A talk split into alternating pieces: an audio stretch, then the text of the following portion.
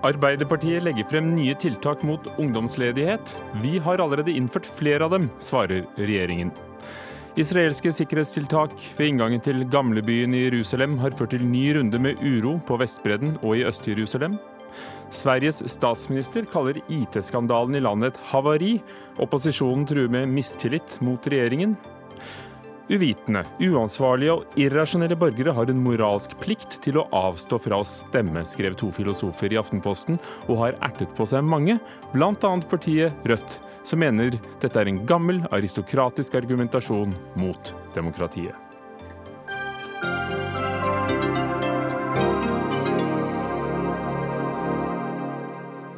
Valgkampen er i gang, og Arbeiderpartiets leder Jonas Gahr Støre presenterte i dag syv tiltak som han mener vil få flere unge i arbeid.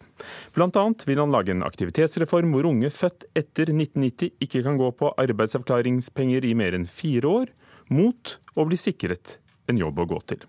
Og Nav skal også få egne kontaktpersoner for unge. Jonas Gahr Støre, leder i Arbeiderpartiet og statsministerkandidat og førstemann ut her i Dagsnytt 18 i dag. Hvilke arbeidsplasser er det du vil sikre ungdom? Jeg vil sikre dem arbeid. For i dag har vi altså en situasjon med eh, opp mot 100 000 ungdom. Uh, unge mennesker som står utenfor jobb eller arbeid, det er én av ti. Uh, og vi vet at altfor ofte så blir de da stående ute for arbeid resten av livet. Eh, og Det er kanskje et symptom på at vi eh, ikke har gjort nok, ikke får politikk som virker. Eh, det er alvorlig for de unge. Jeg kan ikke tenke meg noe verre enn å se unge mennesker som ikke får brukt seg selv. Og det er veldig alvorlig for samfunnet. Og Derfor så ønsker vi gjennom disse forslagene å få et enda sterkere løft for at de får fullført utdanningen sin, får kompetanse som trengs. Og så må vi ha en mye mer aktiv næringspolitikk for å skape nye arbeidsplasser. Det skapes for få jobber på denne regjeringens vakt, eh, og det eh, er vi nødt til å snu gjennom en kraftigere innsats fra politikkens side. Du befinner deg på Vestlandet, driver som vi da forstår valgkamp, og valgte da å, å begynne med et fremstøt som gjelder arbeidsledighet og ungdom. Hvorfor var det det du ville ta tak i?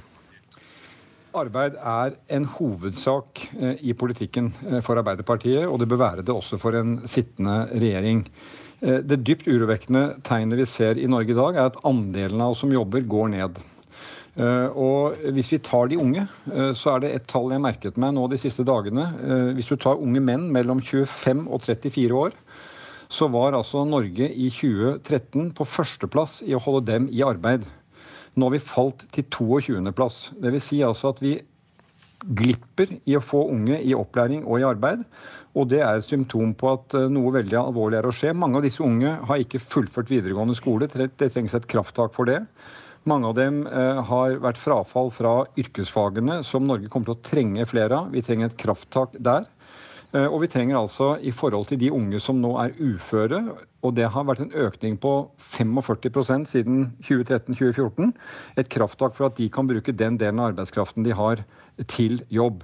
Og her har det vært mange små og mindre eh, kan vi si, eh, forslag som er kommet for å flikke på et system til nå. Jeg tror vi kommer til å trenge mye sterkere krafttak for nettopp å sikre at unge kommer i jobb. Det er nøkkelen for at vi skal lykkes med mange av de andre målene vi har i samfunnet. Det at folk er i jobb, det er oppskriften for at vi kan kunne få til alt det andre vi, alle de andre målene vi setter oss.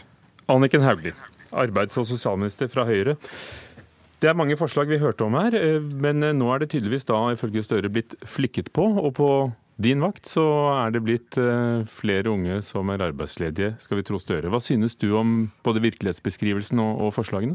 Nei, først og fremst vil jeg jo si at det er eh, bra at Arbeiderpartiet nå endelig kommer på banen når det gjelder ungt eh, utenforskap. Det var jo noe som økte voldsomt da de selv satt i regjering, og som vår regjering har vært opptatt av fra dag én å få, å få redusert. Mange av forslagene som Arbeiderpartiet kommer med er også veldig gode. De er så gode at vi har allerede gjennomført dem i vår regjeringstid. Blant annet så har vi jo økt lærlingtilskuddet betraktelig. Vi har innført en egen lærlingklausul for, eh, for ungdommene for å sikre flere for eh, læreplass. Og vi har også innført eh, lærlingordning i staten, noe som, før ikke, noe som før ikke eksisterte.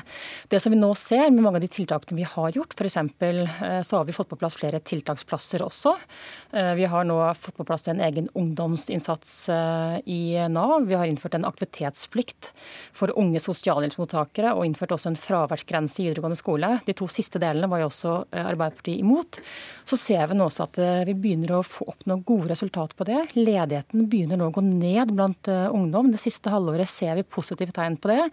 Vi ser også at sysselsettingen begynner å øke blant ungdom. Og vi ser også at fraværet i skolen er redusert betydelig. Så alt dette som da Støre mener er småflikking, ja det ser vi nå gode resultater eh, på. Og vi skal jo selvfølgelig fortsette den gode innsatsen og den gode trenden som vi nå har eh, fått på plass.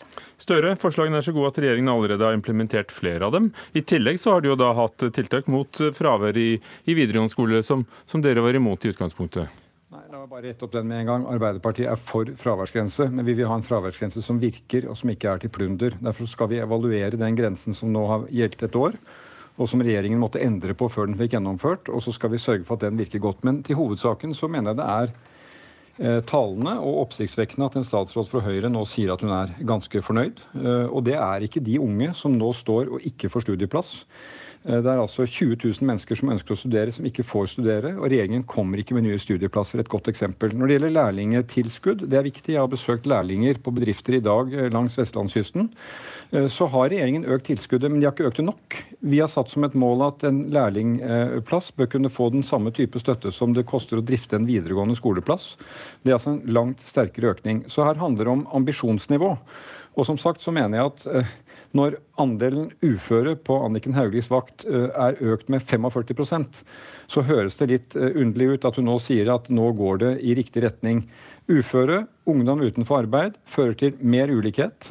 Det styrker et strukturelt grep om en høy arbeidsledighet, fordi at det er enkelt og det går fort å komme ut av arbeid, og det er veldig vanskelig å komme tilbake. Så det vi snakker om her, er at det er i og for seg ikke en ideologisk skille mellom at vi vil satse på lærlinger, satse, satse på lønnstilskudd og den type tiltak. Det tror jeg vi får fra gode fagfolk. Men det er ambisjonsnivået. Hva bruker vi pengene til? Og vi kommer tilbake til sånne sentrale temaer. Skal vi bruke nye fire år på titalls milliarder i skattekutt, eller skal vi sette dem inn bl.a. her? Så Fordi du sier du vil bruke 15 milliarder mer totalt, og, og, ikke, og, vil gjerne ta dem fra skatter. Men hvor mye skulle brukes på disse tiltakene mot unge og arbeidsledige? Du vet Det aller viktigste når det gjelder skatt og inntekter til fellesskap, er at folk jobber. Så det at folk er utenfor jobb, er dobbelt negativt. Da må de ha støtte, og så får de ikke bidratt. Unge mennesker vil bidra.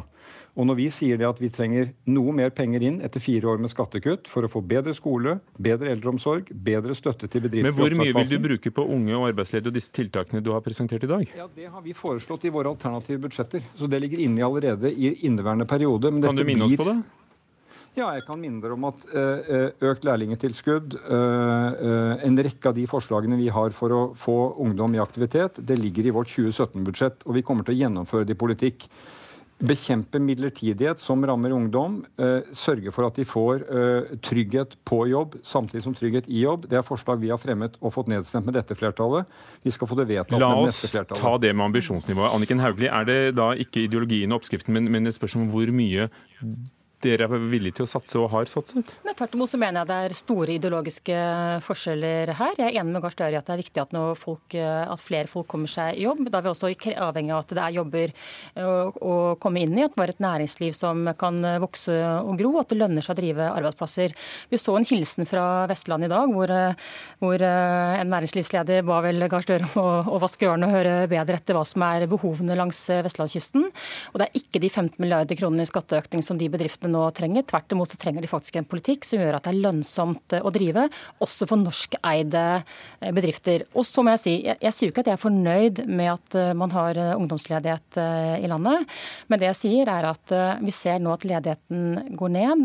Vi ser at sysselsettingen går opp, også blant unge. Og det er også viktig å huske på at antallet unge som sto utenfor jobb og utdanning, det økte fra 47 000 til 70 000 mens Gahr Støre satt i regjering. Nå ser vi at dette flater ut, og det begynner å gå i riktig retning. Og så skal jo vi selvfølgelig jobbe for at, eh, at enda flere kommer seg i jobb eller skole. Men det er også viktig å huske på at eh, to tredjedeler av arbeidsledig ungdom de er under utdanning. Og det er bra, fordi det er for mange unge som blir stående utenfor arbeidslivet med for få kvalifikasjoner. Og det er derfor nettopp skolepolitikken, det å sørge for at flere eh, kommer seg i utdanning, får fullført videregående opplæring, at det står så sentralt for denne regjeringen. Her svirrer det mange tall rundt omkring. Hvor mange ifølge deg Anniken Hauglie, er det av unge arbeidsløse?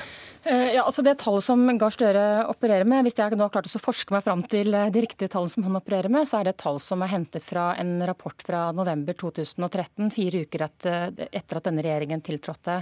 De offisielle tallene fra SSB er 73 000 ungdom. Men det er jo for høyt at det er så mange ungdom som står utenfor eh, jobb eller utdanning. og Det er derfor også regjeringen har en aktiv politikk både for å inkludere flere ungdom i arbeidslivet gjennom lærlingtilskudd, lønnstilskudd og den type ting, men også med det tiltakene vi har innenfor eh, skolesiden. F.eks. at vi nå har tettet gapet mellom ungdomsrett og voksenrett. Før så måtte ungdom gå i flere år mellom de hadde brukt opp ungdomsretten sin, før de kunne få innfridd voksenretten sin. Et dette er viktige tiltak for å få ungdom. Støre nevnte her var 45% flere uføre ungdom.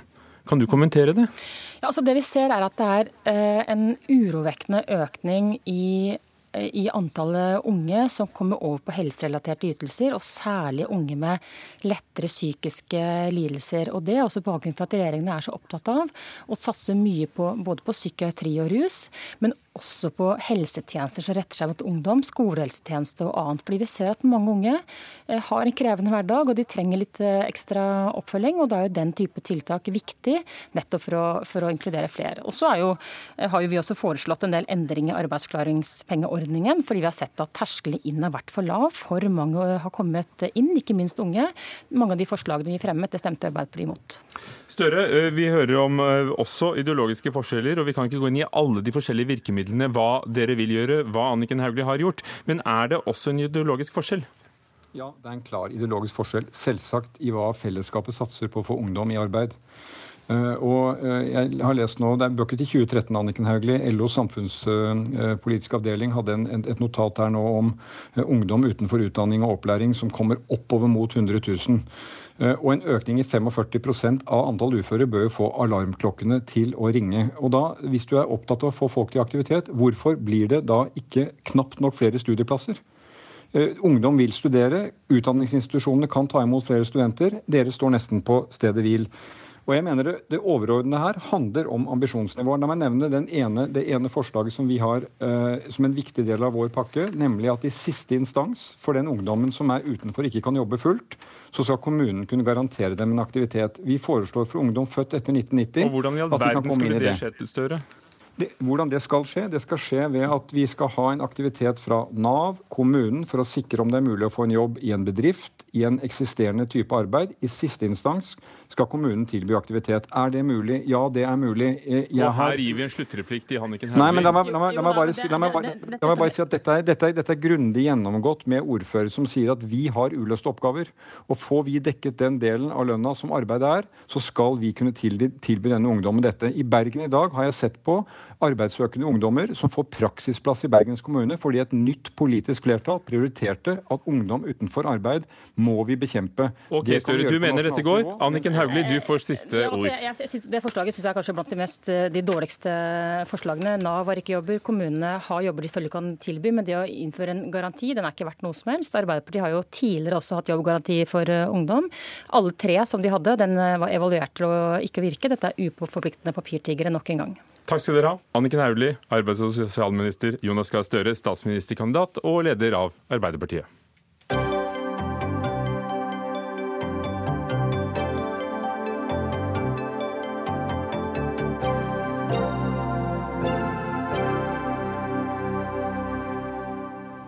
En ny bølge av uro på Vestbredden og i Øst-Jerusalem har den siste uken krevd både israelske og palestinske liv.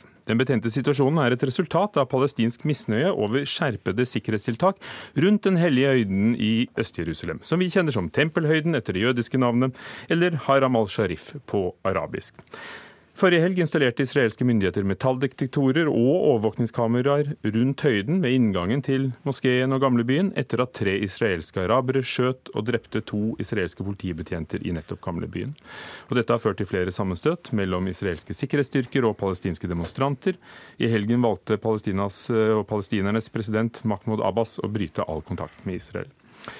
Marte Heian Engdahl, seniorforsker ved Institutt for fredsforskning, PRIO, med Midtøsten som spesialfelt. Hvorfor skaper disse sikkerhetstiltakene så sterke reaksjoner?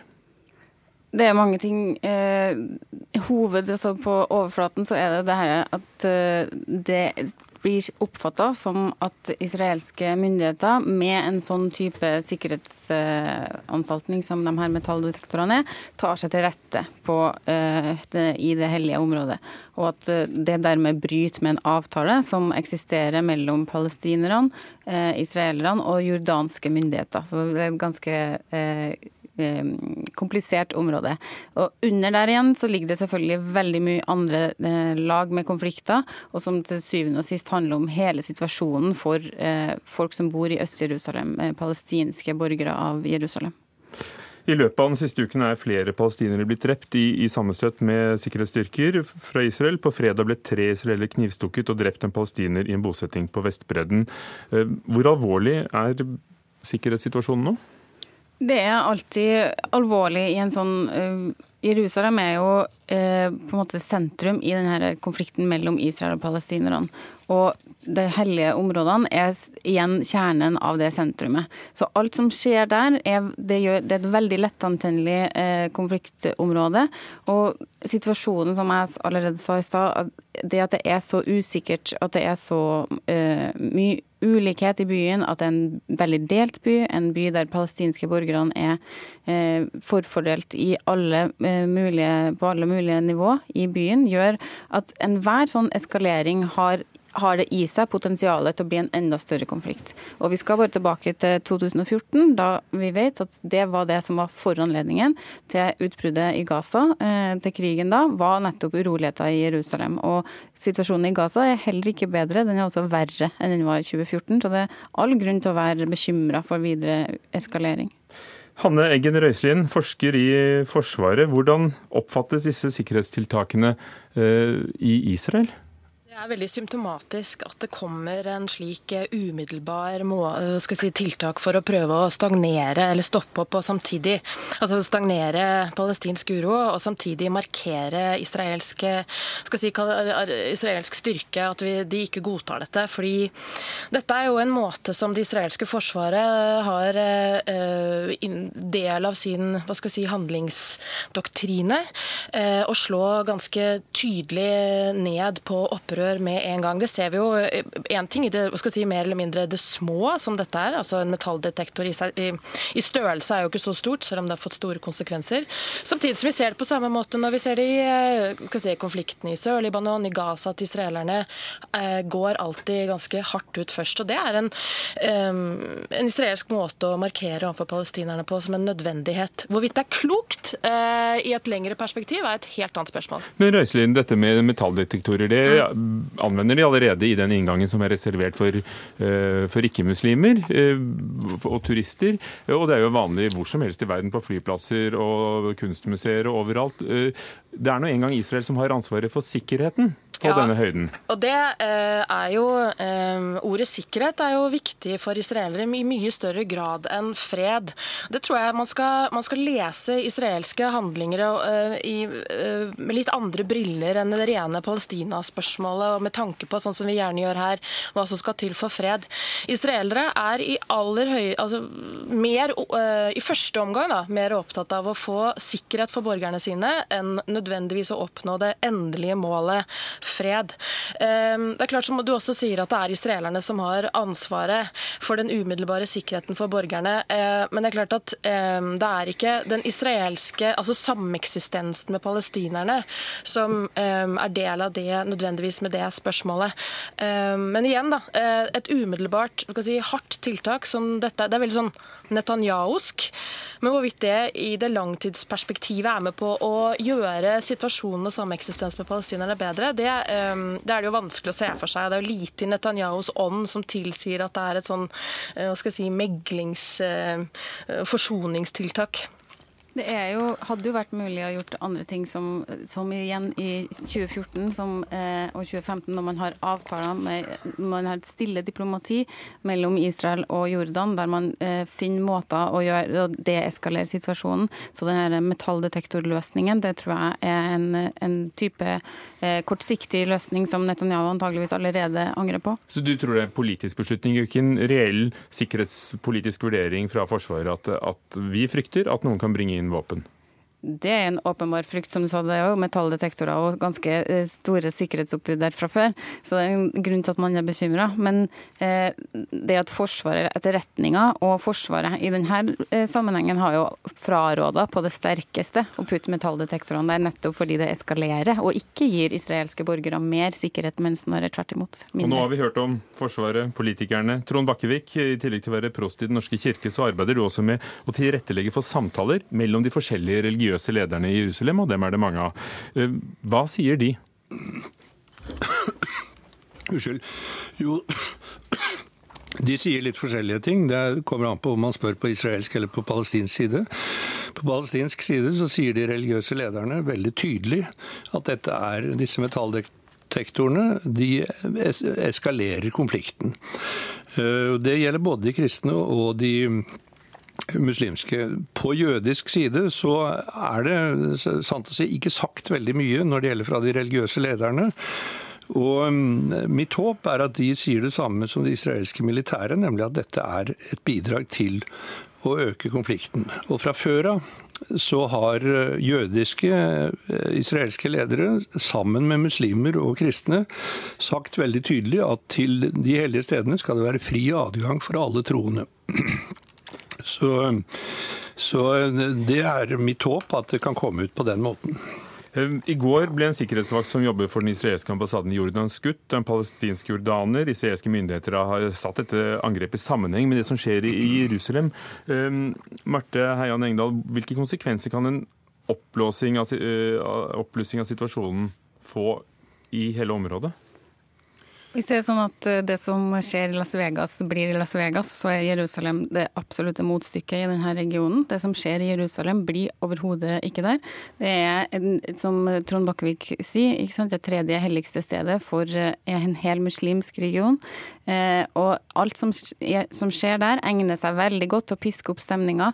Det er i diverse land, og det er også fører til at det er veldig mange arabiske ledere som vil fort kunne føle seg tvunget til å øke eh, opp sin retorikk mot Israel. Og igjen en potensiell eskalering i det regionale bildet, som heller ikke vil tjene Israel eh, godt i det lange løp. Bakkevig, denne høyden, som er så hellig at den har flere navn, altså tempelhøyden for jøder, og som vi har pleid å si eh, i Norge, Haram el-Sharif for muslimer. Hva gjør den så hellig? Hva er mytologien knyttet til det stedet? Jo, den er, den er, langvarig, og den har en lang historie. Det begynner med at kong David kjøpte et stykke jord av en jebusitt som het Aravna. Og så um, gjorde han det til et sentrum i det gamle Israel, hvor det jo bodde både jøder og andre folk. Og så bygget hans sønn, kong Salomo, et tempel der. Dette ble revet uh, da perserne inntok eh, Jerusalem i 587, og så ble det bygget opp igjen deretter, og så varte det helt til år 70. Og Siden så har det vært liksom sentralpunktet for eh, jøders tro. Fra dette punkt ble verden til. Det var her Gud begynte sin skapelse. På dette punkt så var det Abraham som skulle ofre Isak. På dette punkt ble det bygget et tempel. Og de skulle vende seg mot Jerusalem og dette punkt når de ba. Og så mellom år 70 og mm, år 638 så, så var dette sted Etter hvert så ble det en søppelhaug. Og så kom, mm, kom eh, kalif Omar til Jerusalem. Fordi dette var det sted hvor profeten Muhammed hadde reist på sin nattlige reise for å ha en samtale med Gud. Derfra steg han opp på mange måter overtok den jødiske mytologien eh, opp til Gud fra en samtale med han, kom tilbake og ba sammen med Jesus og de gamletestamentlige profeter, før han vendte tilbake til Mekka. Derfor er det det helligste sted for muslimer. Og så kom Kalif Omar, og han begynte byggingen av Klippedomen, og etter hvert også den andre moskeen, sånn at hele området siden 600-tallet har vært et muslimsk område. og Det har det vært kontinuerlig, bortsett fra kort tid med korsfarerne. Men betyr mye for mange mange jøder i dag. Og så finnes det dem som vil bygge en tredje, Ja. eh, et, et tredje tempel. Og, det, og det, så finnes det den gruppen som vil bygge et tredje tempel, og de er store aktivister. Og, det finnes, og de har støtte eh, langt inn i regjeringen og inn i det israelske parlamentet. Og det er denne gruppen som særlig fryktes på muslimsk og, og kristent hold i Palestina, fordi eh, de vil overta kontrollen over, over stedet. Og selv om de da eventuelt ikke vil rive moskeen, noen av dem vil også det, så vil de at Israel skal overta full kontroll. Og Det er akkurat dette palestinerne flykter. Og Nå sier jeg palestinerne, så gjelder det både kristne og muslimer, fordi også de kristne ser på dette som et nasjonalt symbol. De føler sin eksistens i Jerusalem truet. Og Derfor er eh, dette stedet, som et muslimsk hellig sted, også blitt et palestinsk nasjonalt symbol. Så, sånn at det er, bare, altså det er ikke bare religion som rører seg i dette, det er en, denne blandingen av religion og nasjonalisme. Og Da vil jeg også legge til, når det gjelder dette med Israel har ansvar for sikkerheten, sies det ja, men palestinerne, muslimene, har aldri gitt israelerne eh, kontrollen for sikkerheten. De har tatt den etter okkupasjonen i 1967. Og Det er jo en, eh, det det handler om, eh, denne kontrollen over Jerusalem, ikke minst Øst-Jerusalem. Hanne Eggen Røiselien, der hadde vi noen tusen års historie oppsummert på et par minutter. Eh, Vil du si at dette handler om hvem som, hvilke av grupperingene som har kontroll i Jerusalem? Ja, I ganske stor grad så gjør det det. og jeg er ikke, Det er jo helt riktig at selvfølgelig at palestinerne frykter denne grupperingen. Men altså, når jeg snakker om nasjonalreligiøse, ytterliggående bosettere. Men det er klart at er det noen som frykter dem enda mer, så er det jo strengt tatt Israel og Israels stabilitet. For det at de, som også Trond her sa, at de er aktivister, de benytter seg av ganske harde metoder. De er tungt bevæpnede.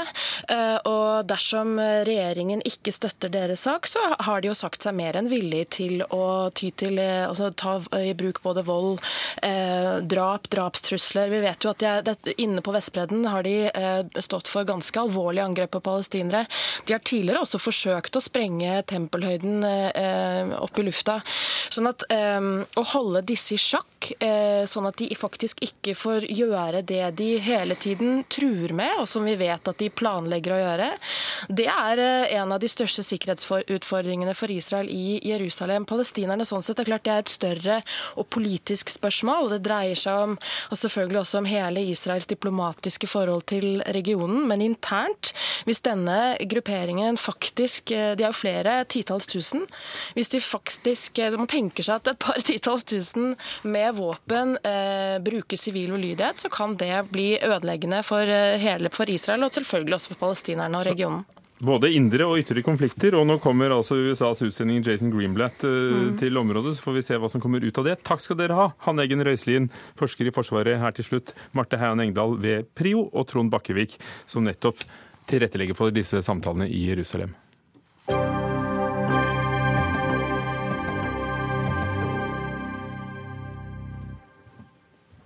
Hvem bør få stemme når det er valg? To filosofer skrev i Aftenposten sist fredag at uvitende, uansvarlige og irrasjonelle borgere har en moralsk plikt til å avstå fra å stemme. Og så har det kommet mange motstemmer frem de siste dagene i debatten. Eh, en av dem er fra Rødt, som vi straks skal møte. Men Kristian Skagen Ekeli, professor i filosofi ved Universitetet i Stavanger. Du var en av forfatterne bak kronikken. Hva legger du i, og dere i, at eh, uvitende og uinformerte har en moralsk plikt til å avstå fra å stemme? Ja, altså vår, Det som var poenget, hovedpoenget med vår kronikk, var å reise debatt om to spørsmål.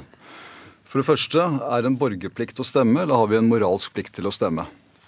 Og det andre spørsmålet som vi ønsker å reise debatt rundt, er hvilket moralsk ansvar vi har som velgere i et demokrati. Og I den sammenhengen så forsvarer vi jo da den posisjonen at selv om borgere i et demokrati som det norske har en juridisk rett til å stemme, så har vi ikke noen moralsk eh, plikt til å stemme eller bruke vår stemmerett. Men vårt poeng er da at hvis man først velger å stemme, så har vi en moralsk plikt til å avlegge en velinformert og ansvarlig stemme. Og Hovedpoenget vårt er i forlengelsen av det at uvitende og uansvarlige borgere har en moralsk plikt til å ikke bruke sin stemmerett. Mari Eifring, partisekretær i Rødt, du er en av mange som engasjerte i debatten. Du svarer i Aftenposten at innlegget er aristokratisk og antidemokratisk. Eh, ja, vil du ikke ha de gode stemmene til Rødt? Eh, jeg vil først og fremst at folk skal eh, stemme ut fra det de selv mener er gode grunner. Eh, men jeg syns ikke noen skal opphøye seg til dommer over hva som er en gyldig grunn eller ikke gyldig grunn til å stemme som de gjør. Og når det gjelder den kronikken fra disse filosofene, så mener jeg for det første at det er en helt unødvendig oppfordring å komme med i dag. Eh, mange gjør den vurderinga som de etterlyser allerede, kanskje for mange. 22% av befolkninga stemte ikke ved forrige stortingsvalg, og 40% lot være å stemme i forrige kommunevalg. Eh, så da syns jeg det er veldig spesielt å, å, trekke fram det som et stort problem. At for mange stemmer i dag. Det er vel eh, strengt tatt det motsatte som er, er problemet. Så Det er det ene. Og det andre er det er jo ikke noe nytt dette at samfunnets eh, privilegerte eh, mener stemmeretten bør forbeholdes de eh, såkalt opplyste. Det er de samme argumentene som aristokratiet i Norge brukte i sin tid, før man innførte partiet, partisystemet, om at massene ikke kan styre, at man tenker for kortsiktig osv. Også de samme argumentene som ble brukt for å argumentere mot kvinners stemmerett, at kvinner ikke var opplyste nok eller rasjonelle nok. Sånn at det er, dette er jo et gjensyn med en type argumentasjon som jeg mener at ikke egentlig hører hjemme i et moderne demokrati. Kristian Skagen Ekeli, siden 1913 har alle myndige personer, uavhengig av kjønn og formue, kunnet stemme. Eh, vil du egentlig frata noen stemmeretten? Nei, det er jo ikke det vi har argumentert for heller. Og jeg, Det kan jo virke på meg som om Mari Eifring har eh, misforstått, i beste fall, eh, deler av det vi forsøker å argumentere for i vår kronikk. Altså, Vi argumenterer jo ikke for at de med best kunnskap eller kompetanse, altså eksperter, har en spesiell rett til å styre, sånn som Platon og andre gjør. Det vi argumenterer for, er at borgere uten politisk kunnskap ikke bør styre. Det vil altså si at De som mangler kunnskap om politikk og konsekvensene av sine politiske valg, har ingen moralsk rett til å styre over andre eller bestemme hvordan de skal leve sine liv. Hvordan skulle dette være gjennomførbart, eh, denne moralske plikten? Nei, altså Der er jeg jo for så vidt enig med Mari Eifring. At, eh, at, det må jo man vurdere eh, langt på vei selv. Og det er jo det vi også ønsker å reise en debatt rundt. Altså hvilket moralsk ansvar vi har som velgere. Man må jo huske det at eh, vår stemmerett, og det er jo det som vi også poengterer i dagens debattartikkel i i Aftenposten at vår stemmerett gir oss jo makt over, over andre, og mye kan stå på spill. Og Det er jo det som gjør at vi mener at stemmeretten gir oss et moralsk ansvar, som vi mener da at det er viktig at man både reflekterer over og er seg bevisst. At det er aristokratisk øh, og osv., det har jeg litt vanskelig for å, å, forstå. Og Jeg ser også det at det er Eifring i, i dagens debattinnlegg i i, eh, i, Aftenposten sier at den største trusselen mot demokratiet er ikke de som deltar, men de som vil innskrenke det. Altså, og det er tydelig at Hun da mener at vi vil innskrenke det. Og, og, Hun sier at vi gjør oss til representanter for en antidemokratisk strømning. der Tilsynelatende liberale stemmer tar til orde for en uthuling av demokratiet. Og Da lurer jeg jo ikke minst på altså, hvilken antidemokratisk strømning er det Eifring mener at vi er en del av? Eh, La oss høre. Mari Eifring? ja, jeg mener at det, i hvert fall det som følger av den kronikken de har skrevet, er at de har et jeg mener at de da framfører et syn på politikk som handler først og fremst om eh, hvem som er mest egnet til å administrere et, eh, et, system. Men jeg mener at politikk handler om mye mer enn det. Det handler om interessekamp og om representasjon. Og et av de store problemene med demokratiet vi har i dag, er jo at det ikke er demokratisk nok. Altså at forskjellene øker. At mer makt og ressurser havner i færre hender enn før. Og veldig mange kjenner på avmakt.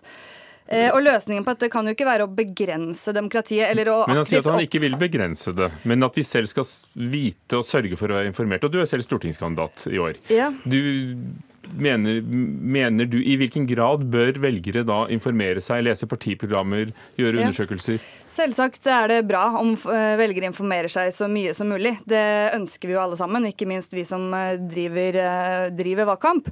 Men det, det, som jeg ikke blir helt klok på, er hva er det disse filosofene mener når de sier politisk kompetanse? Altså hva er, er det et nøytralt begrep? Hvordan skal man måle hvem som er politisk kompetent og, og hvem som ikke er det? Jeg vil jo for eksempel nokså fordomsfullt eh, gjette at ikke alle filosofer i akademia har full oversikt over problemene med sosial dumping i bygg- og anleggsbransjen. Eh, og de kan jo således finne på å stemme på partier som kanskje gjør situasjonen verre for de som jobber på byggeplassene, og kanskje til og med øker utryggheten deres. Eh, fordi de ikke har nok politisk kompetanse på det feltet. Så hvilken rettesnor skal en velger da bruke? Men jeg mener, jeg vil jo ikke oppfordre filosofer til å la være å stemme uh, pga. det. Og det er der jeg syns de går veldig langt. En ting er jo at de kanskje selv tar den vurderinga når de skal stemme, men å gå derfra til en aktiv oppfordring til velgere, såkalt politisk inkompetente velgere om at de skal la være å stemme, det mener jeg er udemokratisk. Ekeli, risikerer du at, eh, at, filosofer som eh, spør seg selv hvem de er, eh, ikke stemmer, mens, mens andre da går og stemmer? Fordi jo mer vi vet, jo mer forstår vi at vi ikke vet? Ja, altså, ja du, du, refererer jo, eller Dere refererer vel da begge til at jeg sa at jeg ikke stemte ved forrige ø, lokalvalg ø, av de grunnene som vi er inne på i i, eh, i den eh, opprinnelige kronikken. Eh, men jeg syns jo da at Eifring fortsetter jo å banke løs med det poenget sitt om at vi vil At de med best insekt, som hun skriver, ikke sant, les utdanning, bør få bestemme i samfunnet. Det er jo ikke det vi tar til orde for. Jeg sa det jo akkurat at det vi argumenterer for, er ikke det at de med best kompetanse eller innsikt skal styre, eh, f.eks. i det norske samfunn. Vi argumenterer for at borgere som ikke kan noen verdens ting om politikk, eller forsvinnende lite Og Ser du tegn til at mange som har det sånn i dag, stemmer og ikke burde stemme? Altså, det, altså jeg, jeg, driver jo ikke med empirisk forskning. altså Det vi refererer til, er jo, er jo, forskning som spesielt stammer fra USA. Og En del av den forskningen, de empiriske undersøkelsene som er gjort av velgere der, viser at røftlig en tredjedel av amerikanske velgere kan ingenting om politikk. Uh, om det er representativt uh, for norske velgere, det, uh, det, det, har jeg ikke noen sterke meninger om. Jeg vil antagelig tro at det står noe bedre til i Norge enn det gjør i USA. Jeg tror vi må la det ligge der.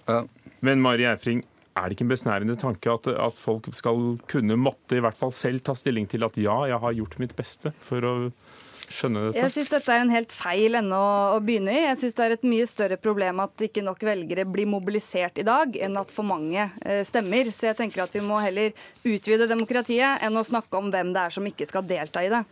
Takk skal dere ha. Vi er sikre på at debatten fortsetter i Aftenpostens spalter. Eh, Mari Eifring, partisekretær i Rødt og stortingskandidat, og Kristian Skagen Ekeli, professor i filosofi, Universitetet i Stavanger.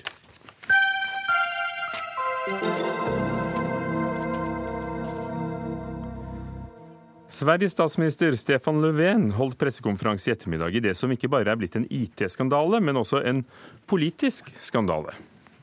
Det som har skjedd i Transportstyrelsen, det er et haveri. Det sa jeg i går, og det står jeg for. Dette er synnerlig alvorlig. Det har skjedd i strid mot lagen. Det har utsatt både Sverige og svenske medborgere for risker. Og åtgärder for att minimere skadorna har pågått med full kraft sedan det her lagstridiga agerandet opptektes. Stefan Löfven tidligere i ettermiddag. og Det er altså det svenske Transporttilsynet, som da er en samling av alt fra jernbanetilsyn, luftfartstilsyn, biltilsyn. Eh, stort, stort direktorat som da har satt ut det dere har gitt til virksomheten, og der var det sikkerhetsbrudd. Bjørn Lindahl, korrespondent for svenska Dagbladet i Norge. Ja, Hvordan eh, fremsto Stefan Löfven da han skulle håndtere dette i ettermiddag? Han står innenfor sin eh, verste kris hittil sen han eh, kom, eh, ble valgt til svensk statsminister 2014. Eh, det handler jo dels om at det er så alvorlige saker. Det her, det her er rikets sikkerhet. Og dels at hans regjering ser ut til at ikke riktig ha talat med hverandre. Her er det to ministre som har vetat om problemen i over et år, innan den ansvarige ministeren fikk høre noe om det. Stefan Löfven har visst om dette siden januar. Direktøren for Transportstyrelsen måtte, måtte, gå av uten at noen fikk forklaring på hvorfor, og, og fikk en bot på 70 000 svenske kroner. Hva handler det om? Hvor alvorlig har dette vært? Alltså det handlar ju eh, om så många saker. Det är det som gör att det är svårt att diskutera det. För att, för att dels handlar det då om att man ska tjäna pengar på att eh, outsourca verksamheten. Och, och, det är det som var kravet på Transportstyrelsen. Men så går man då eh, och glömmer att man måste behålla säkerheten och det kostar också pengar. Eh, och så är det frågan om när ska eh, det här informeras eh, ute i resten av landet vad som har skett. Och, och då tycker väl många att det har gått för lång tid från det Eh, Löfven fikk vite det selv, og til at man nå får en klar bild om hva det handler om. Sin verste krise, sier du. Står han eh, i fare for å få et mistillitsforslag mot seg? Ja, så det som skjer nå, er at i morgen så skal han informere partilederne, og da tar han med seg eh, sine kompanjonger her, Säpo-sjefen, ÖB og eh, sjefen for Transportstyrelsen. Og det er klart at når han informerer partilederne, så kanskje de kan si andre saker enn hva de kan si åpent i TV. Så då får vi veta vad, vad oppositionen säger. Och, och, det speciella är ju att det är inte bara de borgerliga och Sverigedemokraterna utan det är även Vänsterpartiet som öppnar för att man kan fälla regeringen. Och se på det är då politiet, det, alltså, ÖB, ja, det var en hel det, rad med ja, ja, ja, nej, det är försvarschefen och, och eh, PST-sjefen og, og, sjefen for Transportstyrelsen. Men, men, det som er viktig, er at eh, om det skal bli et mistroendevotum, så må riksdagen være samlet. Og, og, det tar ti dager å få den samlad under sommaren.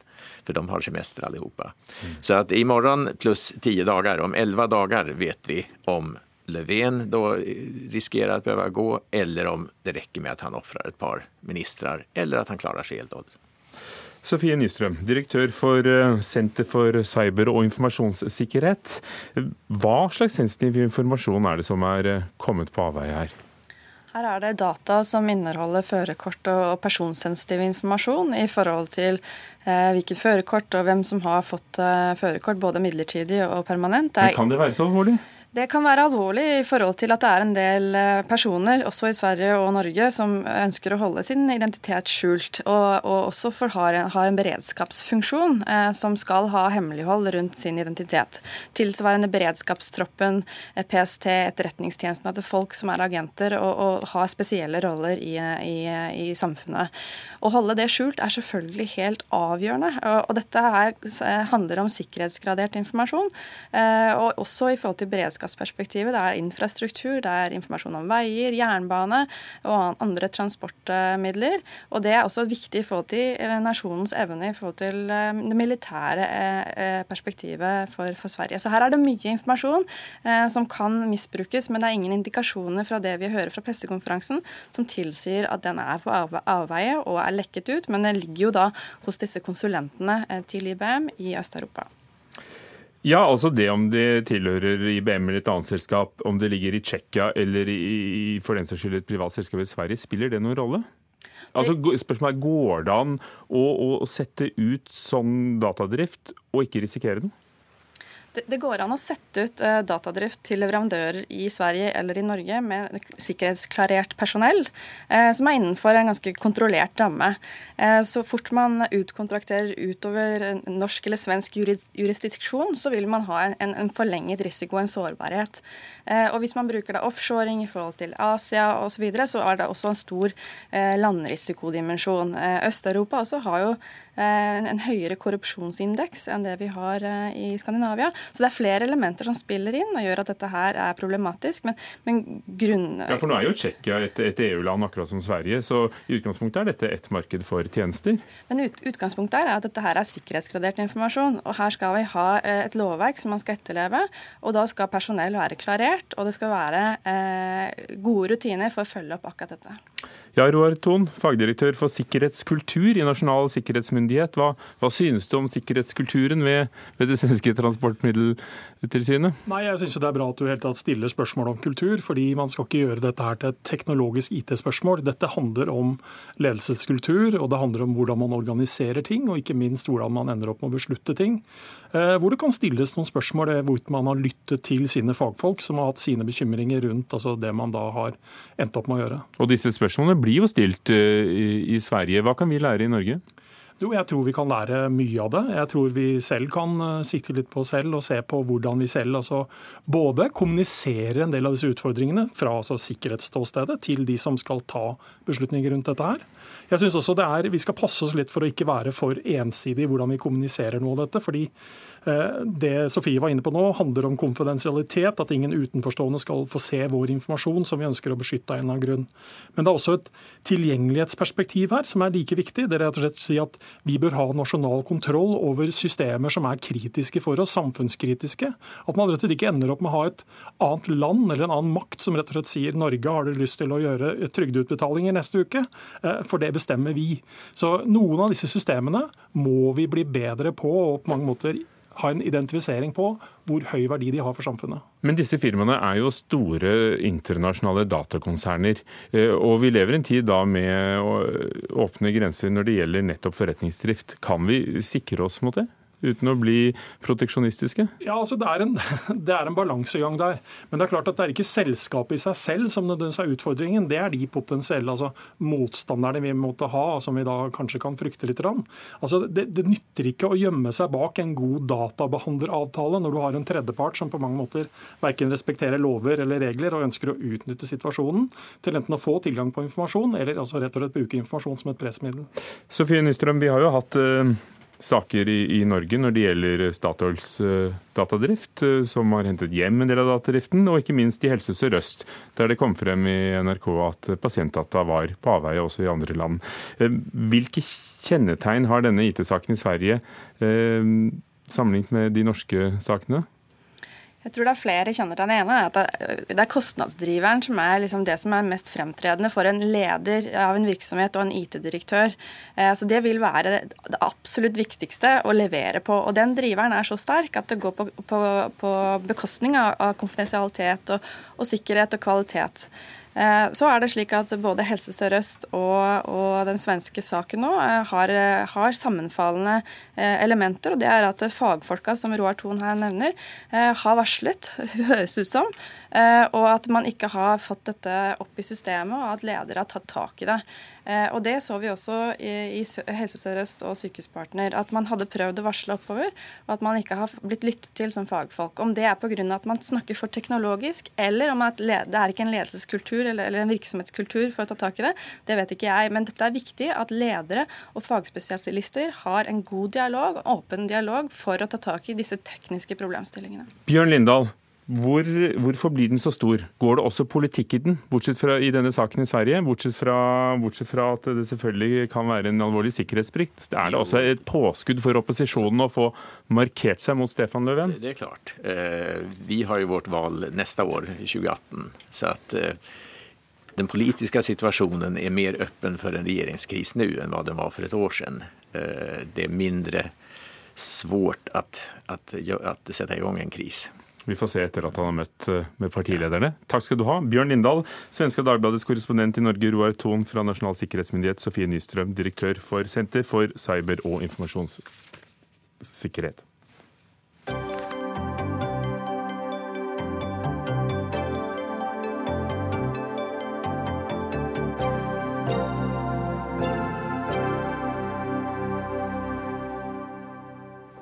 Norsk asylpolitikk bryter med religionsfriheten. Det er påstanden fra biskopen i Bjørgvin, Halvor Nordhaug. I en kronikk i Aftenposten sier han at norske myndigheter bryter både FNs retningslinjer og europeiske menneskerettighetskonvensjonen når Norge sender kristne konvertitter, asylsøkere her, tilbake til Iran. Utlendingsnemnda, som behandler klager på vedtak fra Utlendingsdirektoratet, mener det er uproblematisk å tilhøre en kristen menighet i Iran. Hava Nordhaug, biskop i Bjørgvin, hva fikk deg til å skrive denne kronikken? Nei, Det er jo et engasjement som jeg har, og som jeg deler med Kirken generelt, for um, forholdene for kristne konvertitter som returneres til Iran. Vi er opptatt av at uh, de skal um, ikke sendes ut uh, hvis det er fare for deres sikkerhet når de praktiserer sin tro. Og det mener vi at det er. Ehm, det er farlig å tilhøre en husmenighet i Iran. Det er farlig i det hele tatt å komme sammen for å høre Guds ord. Og det er enda farligere å forsøke å dele Guds ord med andre, slik som jo kristne alltid har gjort og gjør. Forholdene i Iran er jo forferdelige hva angår religionsfriheten. Og jeg mener at våre utlendingsmyndigheter har tilstrekkelig informasjon om dette til at de bør være tilbakeholdne, for ikke å si helt avstå fra å sende konvertitter til, eh, tilbake til Iran. Det er den linjen som f.eks. Danmark følger, som også Storbritannia følger. Land som jo ellers er veldig restriktive i asylpolitikken. De sender altså ikke asyl, eh, kristne konvertitter tilbake til eh, Iran. Og jeg synes at Norge burde følge den samme linjen. Og I fjor var det tall som viste at det var én konvertitt fra Iran som fikk opphold, og så var det 80 som ikke fikk. Ingunn Sofie Ausnes, direktør i Utlendingsnemnda. Hvordan avgjør dere hvorvidt disse menneskene løper en risiko når de kommer tilbake? For å gripe fast i det siste du sa, så er nok ikke det riktig at det var én som fikk opphold, for noen får også i UDI. Vi er jo bare klageinstansen, så vi må ta det med i betraktningen. Og dette tallet 80 kan vi heller ikke feste noe særlig lit til, fordi der ligger også alle omgjøringsanmodningene inne. Og, og, der kan en sak bli tatt opp flere ganger? Flere ganger. Vi har iranske konvertitter som ber om omgjøring både åtte, ni og ti ganger. Så, men la oss ikke henge oss opp i tallene, men snakke om det som er viktig her nemlig sikkerhet. Og vi deler selvfølgelig den bekymringen som det blir gitt uttrykk for her, om at folk ikke skal eh, sendes tilbake til forfølgelse. Men dere mener altså at de ikke gjør det? Ja, vi gjør det. Vi har en eh, lav terskel for å anerkjenne folk som konvertitter. For dette er en totrinnsbehandling. For det første så må vi se på om vedkommende har konvertert på en slik måte at det er en ektefølt kristen overbevisning. Dere tror på dem? Ja. Og hvis vi tror på dem, så må vi vurdere risikoen ved at en troende skal returnere til Iran. For det er nok ikke slik at jeg kan si meg enig med Nordhaug i at det er livsfarlig å være konvertert eh, i, i Iran. Det kommer helt an på hvordan man utøver sin eh, kristenhet i landet. Og der Nordhaug, er det jo sånn at I Iran så er det bare den armenske minoriteten som har en lovlig kirke. Eh, alle andre kirkesamfunn er forbudt. Men, men så finnes det da disse huskirkene. Og mye tyder jo på at disse fungerer, at folk praktiserer i disse små menighetene. Ja, nå er det jo eh, slik at um, det foreligger en rapport fra danske utenriksmyndigheter, eller uten, flyktningmyndigheter, og også fra Landinfo fra 2013 som sier at forholdene for eh, konvertitter er blitt, eh, blitt verre. At det er fare for fengsling, og også med mulig tortur. Og at kristne betraktes som spioner og kan bli avkrevd en erklæring om ikke å praktisere sin tro uh, på noe vis. Og det er ganske stor uenighet mellom UNE på den ene siden og f.eks. Uh, organisasjoner som Amnesty, NOAS og også Den kristne Stefanusalliansen, som jeg selv tilhører, som har veldig mange eksempler på at bare det å være kristen i seg selv og tilhøre en husmenighet kan være nok for at myndighetene griper inn, og at man da kan bli møtt med veldig strenge tiltak. Og Aursnes, Hvordan kan det ha seg at dere bedømmer dette tydeligvis, er påstanden i hvert fall, annerledes enn Danmark og Storbritannia? Ja, Dette forundrer meg veldig. Fordi at jeg har senest i dag lest igjennom den rapporten fra Home Office som eh, det er blitt vist til. Og det jeg leser der, er nøyaktig det samme som vi legger til grunn. Eh, det dette tror jeg Norhaug og vi må snakke mer om. Fordi her sitter vi altså og ser på samme rapport med helt forskjellige øyne. Men hvis det er sånn at uh, bare det å være kristen kan være risikabelt, men i hvert fall det å, å vise sin tro offentlig og, og, misjonere, som er en del ofte det å være kristen, og særlig i, i noen frikirker uh, som flere har konvertert til. Er det rimelig å forlange at de ikke skal misjonere, hvis det er det som er en del av troen? Nei, det er ikke rimelig å forlange, og det vil aldri bli forlangt. Det det spørres om når man eh, snakker med denne personen som har konvertert, er hvordan kommer du til å leve ditt liv som konvertert, som kristen i Iran? Det er det det dreier seg om. Vi forbyr ingen noe som helst, og vi pålegger ingen noe som helst, og vi forutsetter ingenting. Nordhaug. Ja, altså, Når det gjelder denne britiske rapporten, så er jo da i hvert fall faktum at Storbritannia trekker helt andre konklusjoner av dette enn det Norge gjør. Storbritannia returnerer ikke konvertitter til Iran, for de mener det er for farlig å være konvertitt til Iran generelt. Og jeg mener nok at norske myndigheter her burde la tvilen komme til gode. Her er du altså uenig i selve faktaene i, i hvordan eh, det britiske Home Office og, og, norske myndigheter praktiserer det. Men kan det være sånn Alvor Norheim, at kristne i Iran eh, kanskje må leve litt mer forsiktig enn de hadde gjort i Norge? Ja, altså, det, Dette er jo et kritisk punkt. Eh, jeg mener nok, og har lest, jeg har lest igjennom en god del dommer i, i, sånne saker, hvor det jo faktisk står at man ikke regner med at vedkommende vil eh, f.eks. drive misjon og vedkommende kommer tilbake til Iran. Og det er jo legget til grunn at vedkommende ikke kommer til å praktisere den religionsfriheten som UNE også sier at man har. Så her er det noe som ikke henger helt i hop. fordi at det å være en kristen har alltid innebåret at man kan dele sin tro med andre. Og man kan ikke forutsette at dette vil vedkommende ikke gjøre, og så basere hele politikken på det. Så jeg synes at eh, man må ta høyde for er det frihet til å praktisere sin tro og dele med andre, og svaret i Iran er nei. Og det er jeg da helt uenig i. Det er fullt mulig å praktisere sin tro og dele sin tro i Iran.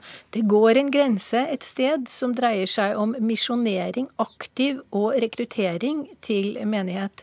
Men dette er kompliserte spørsmål som vi vurderer enkeltvis, konkret, og vurderer fremtidig risiko i hvert enkelttilfelle. Takk skal dere ha, begge to. Ingunn Sofie Aursnes, direktør i Utlendingsnemnda, og Halvor Norhaug, biskop i Bjørgvin.